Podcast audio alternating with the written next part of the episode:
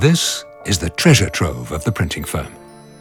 This is where the type cases can be found, which the typesetters used to set the letters to make the cast. Cases of letters in different typefaces. Those typefaces were very important to Plantain. If he had certain typefaces that other printers did not, he could outdo them.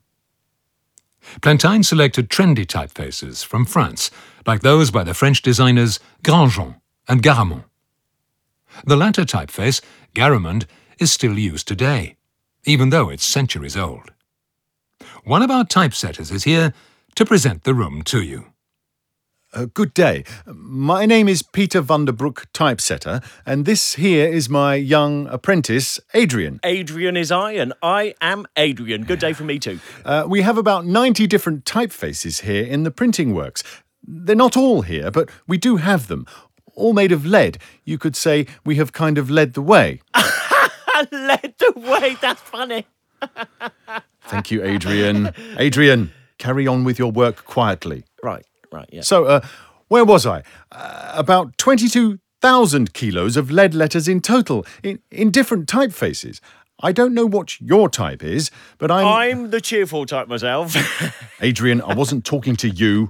Please let me continue my conversation with these fine people. oh, wow, but it's okay to have a laugh once in a while. Not so, madam? Uh, No, it's not have you really. ever heard the one about the penguin that falls down onto the ice? Adrian, I'm talking here.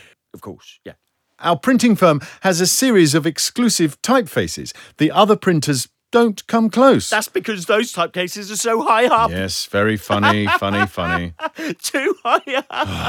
I Get it? Yes, I get it. Very funny. Too high up. We also have special characters, uh, music notes, Hebrew, Old Uh, Baruch Syriac atah characters, Adonai. uh, Greek, for example. Greek. I love Greek. A tasty moussaka. Quiet now, Adrian.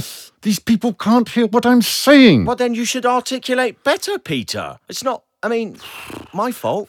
One moment, dear people. I- I'll be back in a minute. Adrian? Yes. Pass me that type case, please. Which one? This one? Yeah, that heavy one. That heavy one or the one next to No, it? the one next to that Oh, one. Oh, that one? Yes, the very heavy one. What do you want to do with that? Come a little closer. Where? Um, A little more. A li- little more? There, I hope you enjoyed that. Oh, Not really. Uh, eh.